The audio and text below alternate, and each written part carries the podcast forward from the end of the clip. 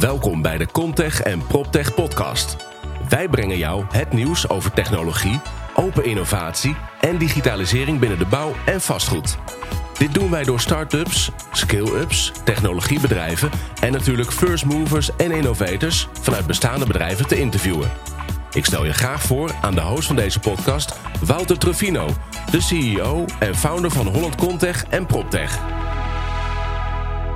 Welcome. Here we are with a new podcast episode, and this time it will be in English because we're gonna invite. Oh, well, Richard, uh, the writer from Nexton, invited uh, Switch Automations to come to the Netherlands. So we have Derek, Derek Harnett and Deb Noller from Switch Automation here. Welcome, guys. Thank you very much. Thank you. Yeah. Lovely to be here. It's great. It's great to have you here. For how long are you in the Netherlands? Two days. Let's do short, Richard. I know, I know. They have a busy, busy schedule, so um, So, what are you going to do with them uh, this day? What did you do with uh, with Deb uh, and Derek today? well, first of all, we need to talk a lot. Um, at, Nexton is the first partner here in Europe. Uh, um, I explained why it's very necessary for them to to touch ground here on the mainland in Europe. So we need to talk about how we're going to, um, well, uh, do, do the business and help the the Yeah. asset managers and uh, the building owners here uh, on this side of the world. And Richard, um, how did you find Switch Automation? Google? No, so, so, so- yeah, so- something like no. I, I, No, because we, of course, we talked a bit, a little bit about PropTech already, but there are so many PropTech companies that- out there. That's an interesting question because I I had um, conversations with most of them here in uh, in Western Europe. First in the Netherlands, Scandinavia, of course. Uh, in the UK, there are some, uh, but I still was not satisfied with the the approach. Um, with with the business model as a whole, but with the approach, it's it's always um, yeah, you can have this platform, but you need to lease my sensor, or you need to switch all the the components in a building. Uh, I believe um, uh, we have a saying for that in the Netherlands: uh, uh, "Schoenmaker hou je bij de leest." Um, focus on your core business. So IT companies are going to do the IT part, and uh, vendors uh, in the traditional installation market will do the the components. Uh, uh, they they are used to to be making. So I think they need to work closely together. Um, and if I look uh, at the first meetings I had with the team, with Deb's team, uh, regarding the Switch platform, that's exactly the way they they approach their business. Deb, how do you approach your business? Well, I think if you look at a lot of the companies that are in the prop tech space, they a lot of them came out of the hardware manufacturing world, or they came from the building uh, management, building engineering space. And John and I actually don't come from either of those industries. We come from a pure IT perspective. Uh, and our first businesses were actually just enterprise IT doing freight uh, tracking and logistics. And when I looked at the world of buildings and the way buildings are managed, it You thought, well, that was amazing. it looks like 1990. Oh, really? Yeah, it looks like 1990. It's and that to me is a massive opportunity because it's it's a whole world of siloed systems, siloed data, um, vendors that are holding uh, data hostage, uh, and everything's closed. And if you look at several of the industries that uh, opened up through the 90s and 2000 with the internet, that is what I believe is the big opportunity for, for buildings is to become completely open, to have a whole ecosystem of interoperable solutions, and to be able to select any sensor, any device, any building management system, any elevator, any analytics, any service provider, and you should be able to create your own solution of the best in breed uh, providers, and no one solution should hold all of those other ones out. So I think that's how we're a little bit different. Yeah, cool. But then it all comes together, and now it's all separated, like you said, all in silos. At the moment, it is. Hmm. Yeah, the, the world is in silos. So our, our our goal is simply to harness data out of the enterprise. So by that I mean B two B data like utility billing, Yep. work orders, help desk tickets, things like that. But also to harness data out of buildings from building management systems, metering, lighting, etc., and to bring all of that into a single platform where that data can be exposed to the people who need it. So it could be the person who's doing the sustainability reporting for your ESG metrics, or it could be somebody who's doing your building retro commissioning on a on a specific building. Yeah. And all of those people should be able to access the same source of data. And that's possible. Hey, you started in the United States? No. Oh, really? No, we actually started in Australia. Oh. And we went to the US in 2014.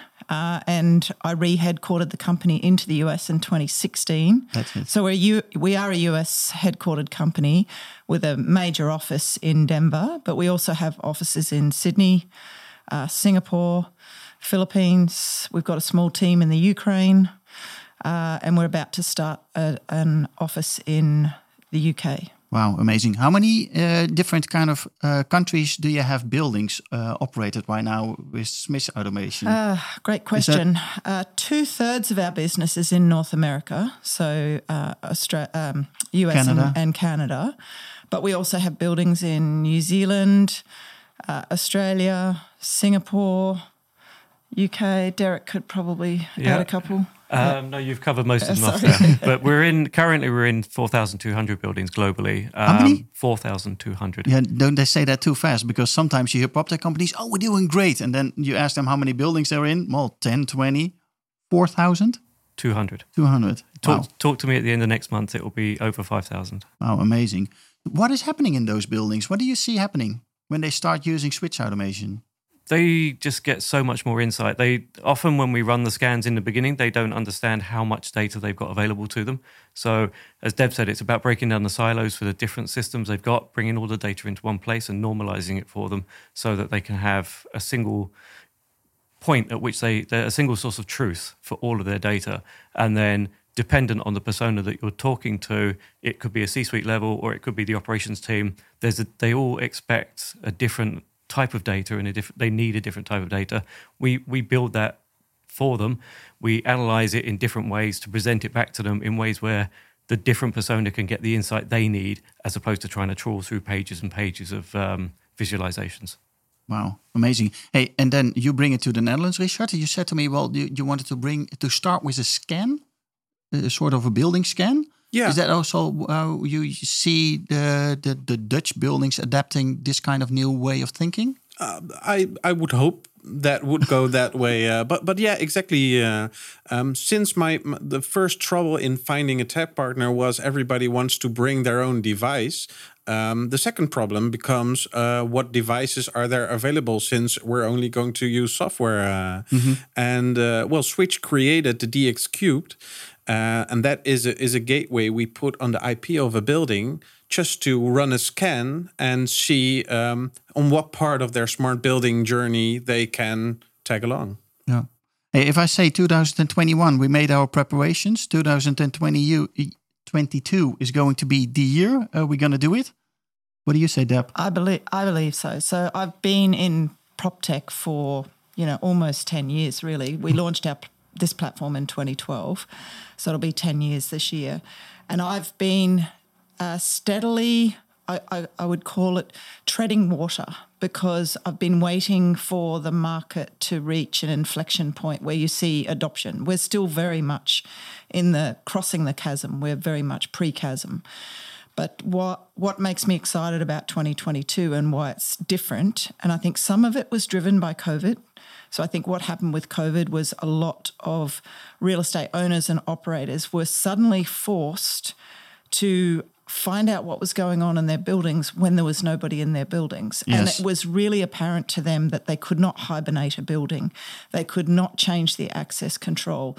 They could, they didn't understand, you know, the occupancy. They were not able to adjust the operating conditions without putting somebody into a truck and driving them down to the building. They didn't have any switch. Exactly. Yeah. Yeah.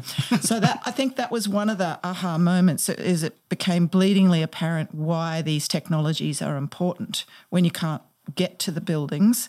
Uh, and then the second thing that I think is a major driving force is after COP26 last year, we saw ESG just suddenly become first and foremost on every conversation, and it's being driven not even at the board level, it's above the board level. It's coming from the investors. So if you look at the pension funds, Yeah. the superannuation funds, even the shareholders in in in uh, public companies, they're all demanding a much more strident approach to ESG from public companies and and utilities and, and infrastructure than ever before.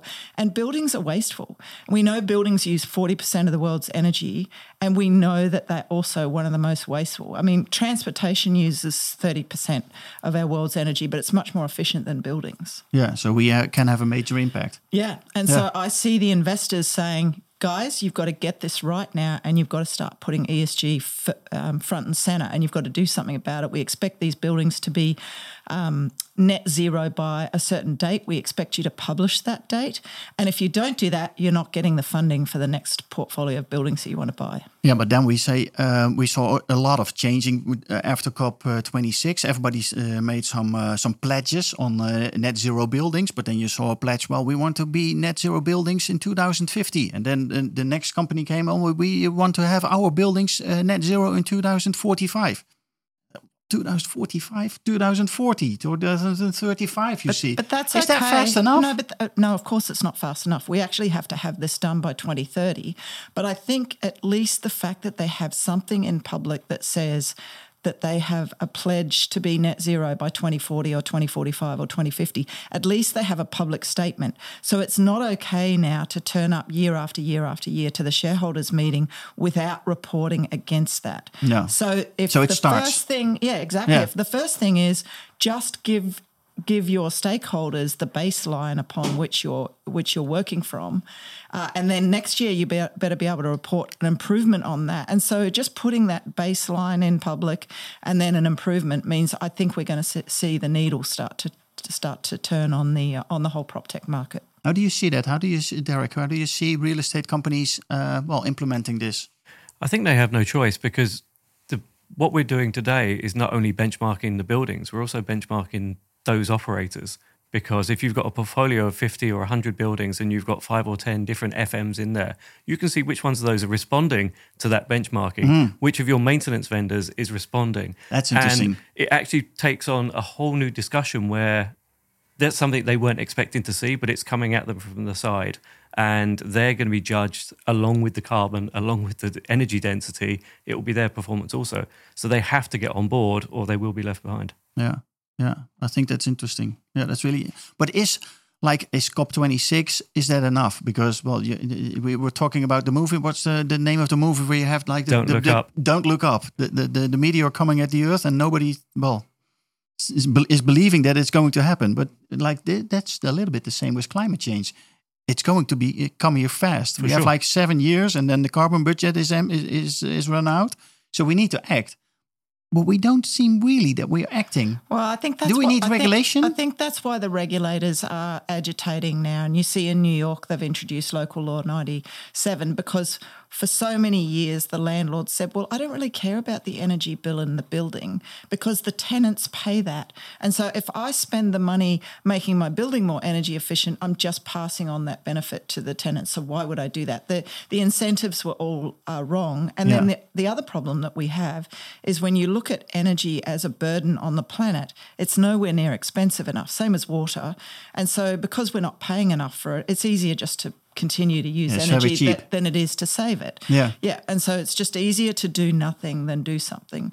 So I think I think once the these um, uh, so I think the regulatory environment is really important. I also think the investors mm, putting these strident ESG goals is important. But you know, and I know that the one thing that real estate people love more than anything is money. Yeah. And once they actually see that this will save money, and it's not just, we're not just talking about saving 10, 20, 30% of your energy bill. We're talking about saving 40 to 50% of your entire operations. Once they understand that, that's when you'll see the, the, the market really kick into gear. Yeah, but real estate people also don't like to save money, but they also want to like create more value. So do they also see their buildings coming becoming more value, being higher rated? Of course. I mean, uh, as these, as these, So it adds up. As these um, uh, medallions and um, benchmarks get published, the really um, core tenants, the ones that have you know the iconic names in in in our in our markets, they won't want to lease or rent a building that has a poor rating, and so then you'll see the rents going up in the buildings as they as they're making them more efficient. We saw that in Australia with NABERS. Yeah, and then you have like, of course, the the new buildings. That's easy. So smart buildings. That is not for me. That's not for us. That's for not for our portfolio. You hear that a lot of like ninety nine percent of all buildings are not smart. So what is happening, and how do we get them on board? It's it's quite simple. I mean, there's there's all all buildings have some form of data. So you start with what you have. You analyze that. You see where you can optimize from from the, the basic data you have, which could just be as simple as your consumption. From there, you can start to make plans to make savings. Use those savings to implement a sensor deployment to get smarter still. So So each old building, any building, any can building be smart. can be smart. Yeah. Hmm. We we try to move away from smart buildings because it's a it's a misnomer. Yeah. Uh, intelligent So buildings. how is should we call it? Intelligent, buildings. Okay. Yeah. Connected digital buildings. I mean, all of these other Everything- tech. Anything but, But not smart. yeah, well, I think smart buildings just gives some people in the market the excuse to say, "Well, my building's never going to be smart." If you're running a portfolio of Yeah. a thousand bank branches, you'd say, "Well, they're never going to be smart, so uh, therefore this doesn't apply to me." Whereas if you're talking about digitizing or decarbonising buildings, well, of course that applies to you. And then to Rich's point, there's a lot of other solutions in the prop tech ecosystem that are uh, very easy to retrofit.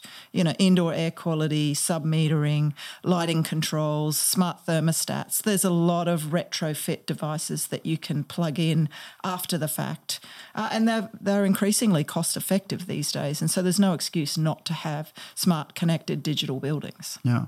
Do you work together with a lot of prop tech companies? Because yeah, you, you've seen probably also a lot, but I think there were like ten or fifteen thousand prop tech companies now globally in the world. Mm-hmm. Uh, so my, my view is it's a rising tide that lifts all boats. It's an enormous market. It's the same as any other market that went to, to digital travel. You know, it, you can name any market that went from the old school into the new, and it wasn't one company that won and and you know owned the whole market. Uh, Derek does a lot of work with uh, indoor air quality, so you could talk about some of the companies we work with. Yeah, we work with uh, lots of different sensor companies um, within the indoor air quality space. That's that's where my background originally came from. Um, And that's a huge topic right now, yeah, especially after the pandemic, of yeah, course. exactly. Yeah. And you know that that that's that's driving people's decisions about returning to work. So if your building is connected and you've got the data, you can show to your tenants and your occupants that the air quality is good, the the state of the building is good. They're more likely to rent that building than the one next door that's not connected at all. So it's about making your building relevant in this endemic um, state that we're in today, and then looking forward to make sure your building's always relevant as companies adapt their strategies away from always in the office into some sort of hybrid mode. There's going to be a lot more stock out there that's not relevant anymore because it's not giving people the um, the comfort they need, the wellness they need. So we push very hard on that. Switch is a, a RESET accredited data provider so that we can help our clients become RESET accredited um, so they can show their tenants and their occupants what, what their uh, air quality really looks like. Cool. Well, I can also imagine that um, we need to help the real estate industry to to tell this story. Yep. Uh, to tell the story of, of of what a digital building can bring to you, assets or not. Or Yeah. how do you see that? How do you see the Dutch real estate industry being already involved into this new kind of well, bringing data together out of your buildings? Good, good question because now we suddenly use the word digital buildings, uh, and before we used smart buildings. Uh, but it is exactly that. Uh, I see a lot of smart buildings that provide an app to to control the lighting, but it doesn't provide any data. And now suddenly we're going to uh, to well to So that's not smart. circle around the word data, and and well, that's what I would like to see. Um, Yeah. and the market knows me as as someone who doesn't agree a lot, um, but I fully agree on what we're uh, putting on the table here. Yeah. Cool. Hey, well, we tonight we also have a dinner with a couple of people. Yep. Uh, it's the end of January, so we uh, are allowed to come a little bit together here uh, again in the Netherlands. Open Gladly. again, It's yep. opening again, so that's good. Um, so we're going to talk about also two, um, well, two topics uh, tonight, and one of them is uh, facility uh, management is transitioning from a labor-based model to a digital model. This shift will underscore the commercial real estate leaders in our time. What do you think about this? Oh, I think a lot about this. Yeah, I know because it's one of your quotes. So I was uh, I ran uh, my first business with uh, my co-founder through the '90s, and it was a we were developing IT solutions for large enterprise, and we hired programmers and we charged them out with a margin over the top. That's a labor model, and that's basically the way every single service model into buildings runs today. You have 300 people in trucks driving around, and as long as you've got enough work to pay them and add a margin on, then your business is profitable. Yes. But if you fast forward and start using a data driven approach, all of the problems that they're going out to fix in buildings should already be filtering through to some sort of nerve center analyzed with analytics and, and data and building engineers. And then you should be sending the right technician with the right parts in their truck to send the, the thing. And they should only be going to buildings when there is actually a problem.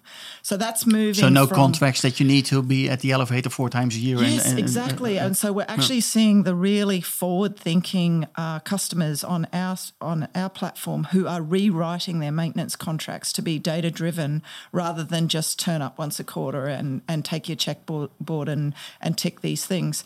And that actually starting to save huge amounts of money. But on the industry side of things the companies that understand that you can build an enormous scalable business using data and technology rather than just people in, in trucks are going to be the true winners out of all of this. So I think we're going to hmm. move to digital FM. Yeah. And I think that's going to be pretty fast, actually.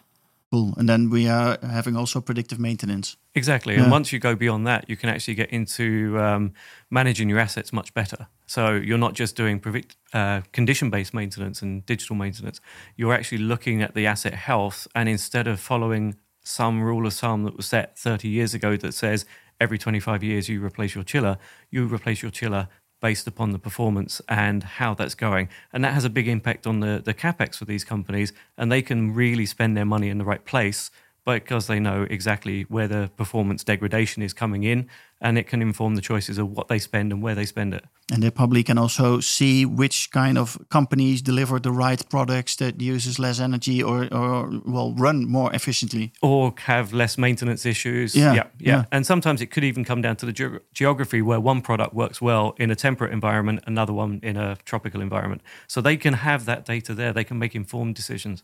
Yeah, you can only make those decisions when you have a lot of data. Right. Of course. Yeah. And all of that feeds into your carbon footprint because you're not replacing equipment just because it was on the capital upgrades program.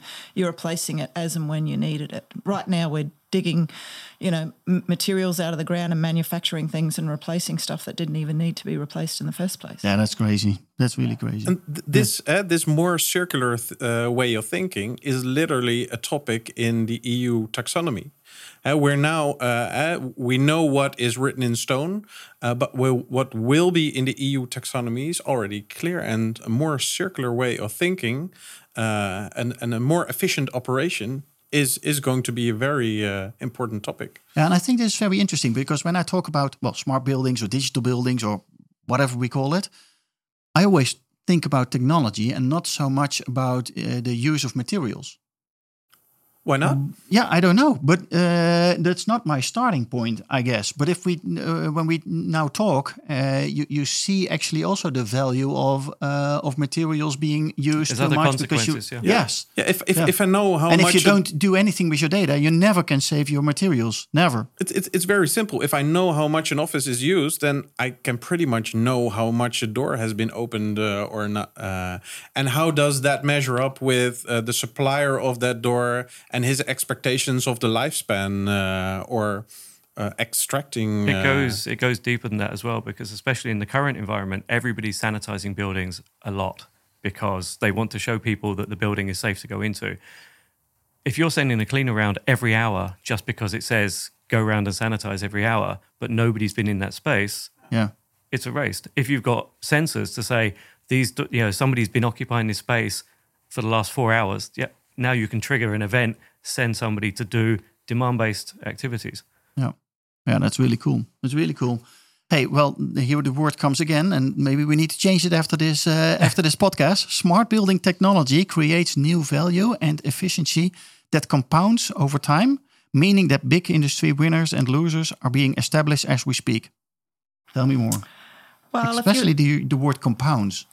So, if you look at uh, a lot of the companies that are in the provision of services. They're having a bit of a Kodak moment. It's easier for them just to get up every morning and continue to provide services the way that they do. Oh, I love to. Yeah. no. Uh, and so, you know, the first year that I spent in the US, I spent I spent the whole of that first year going up and down the west coast of the US trying to convince people that were providing building services that we could give them a digital model where they could be more effective, more scalable, more profitable, um, reach more customers, raise the level of the services um, up to the C-suite. Uh, but they were already making money. It's much easier to continue to do what you're doing. So I called that the year I tried to sell Uber to taxi drivers.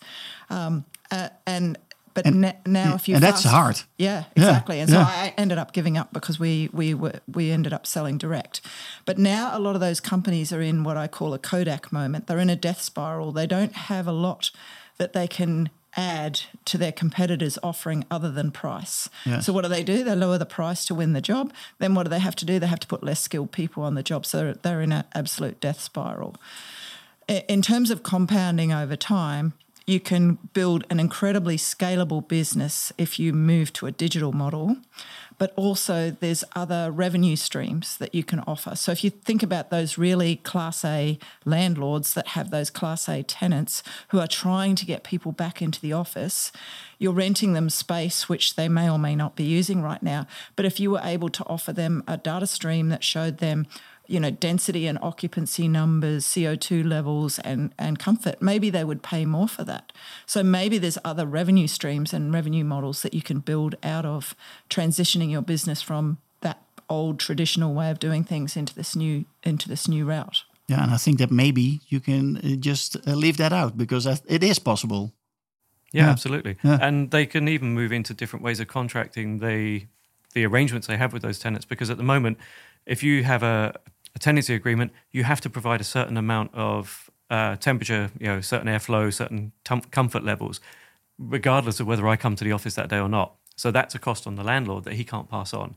So if you can have a more adaptive system that can be dynamically responding to what's going on in the building, then you can have a discussion between the landlord and the occupants about having a more reactive system that can actually look at what's going on in the building and follow that so they can reduce the energy together and everybody wins. Yeah, cool. I have two more questions for you. The, the first question that I have, because we're now talking not talking more, anymore about smart buildings, but we, we talk about data. When we talk about data, everything, uh, everybody uh, is talking also about cyber security. Um, how is that?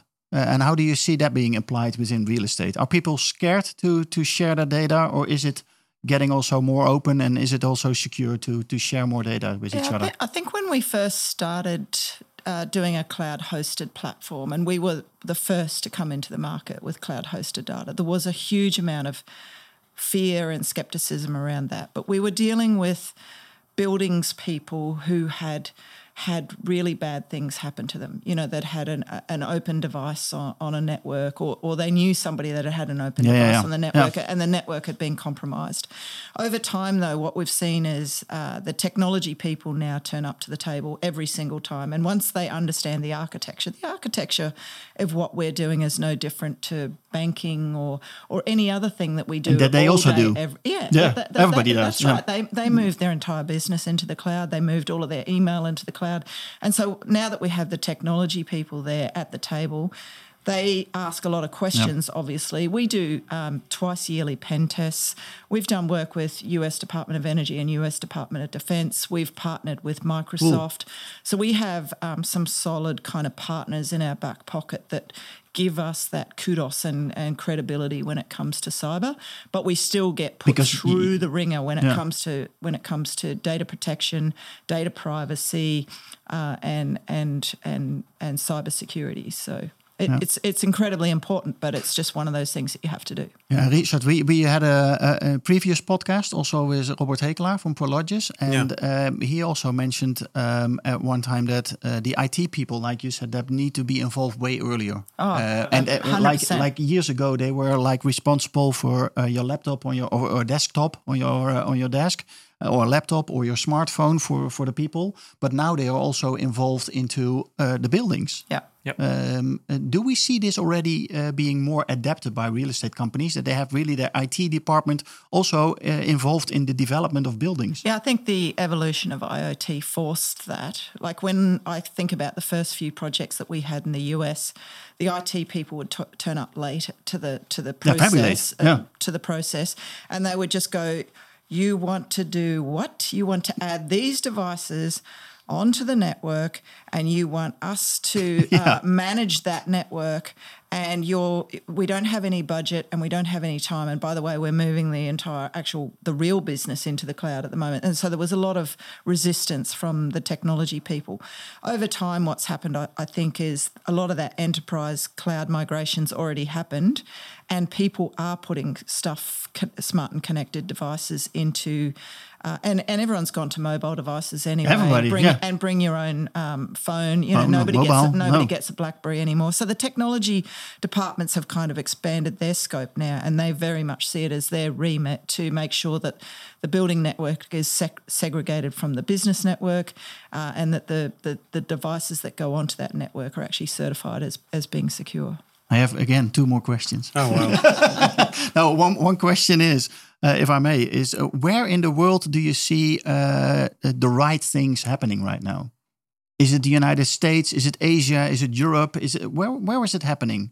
I would say between the US and uh, Australia, we have our more mature clients at, at this point, where they have a very strong digital team who really have a roadmap of their own and they're they're planning out what they're doing. But every every day we're getting new clients and they're they're bringing new ideas. So it's it's growing. There's a lot of change in the market. Places better than other, but we do have some mature clients. What is your advice to to clients that are well listening to this podcast and thinking, well, we need to do something? What would your advice be as a first step? If you're in Holland, call Richard. well, thank you. That's a, that's a good one. Last question that I have for you all: um, Which building are you the most proud of right now, and why? I think I'm the most yeah. proud of the um, AMP Capital portfolio. So this is a a portfolio of over 40 buildings. They came back from Realcomm in 2019. Uh, they had no idea what was in their buildings. So that was their struggle. They had 40 something buildings. They knew they wanted to, to embark on the smart buildings journey. And and I said to them, you know, you've just got back from Realcomm. What's the one thing that you want to get done between now and the end of the year? Four months. And they said, honestly, we just want to know what the hell's in the buildings. So that was actually the impetus for us developing the DX Cube. We already had an IoT appliance, but we didn't actually have that overlay. So we were able to, within five months, deliver them an overlay for DX Cube that w- allowed them to do a digital scan of all of those 40 something buildings. And then they were able to know categorically that 32 of those buildings were ready for a digital journey. So they turned the SaaS on and, and embarked on that. But then they actually took that data, and this this was only like 2020. So we're only talking about just over a year and a half. And yeah. then working with Derek's engineering team, they've been able to rewrite their BMS contracts so that they are data driven maintenance. So that's a huge, huge amount of, ex- yeah. of of advancement for a for a, a company that in August 2019 didn't know anything, knew nothing about their portfolio of buildings, and have now connected and have data flowing from over 40 of them, and have rewritten their um, BMS contracts wow. to be data driven.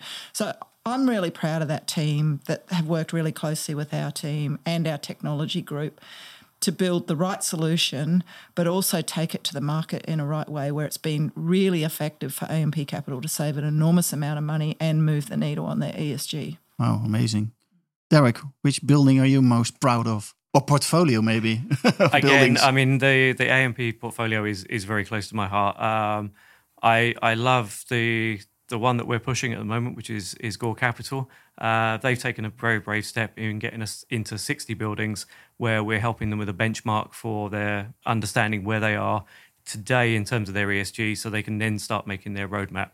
Because if you don't have the benchmark, you don't know What you need to do. Yeah, exactly. Yeah. Yeah. So that's that's a big lift by them. They've they've had to work very hard to to bring all the data together for us, and now we're starting on a journey to return the favor to them.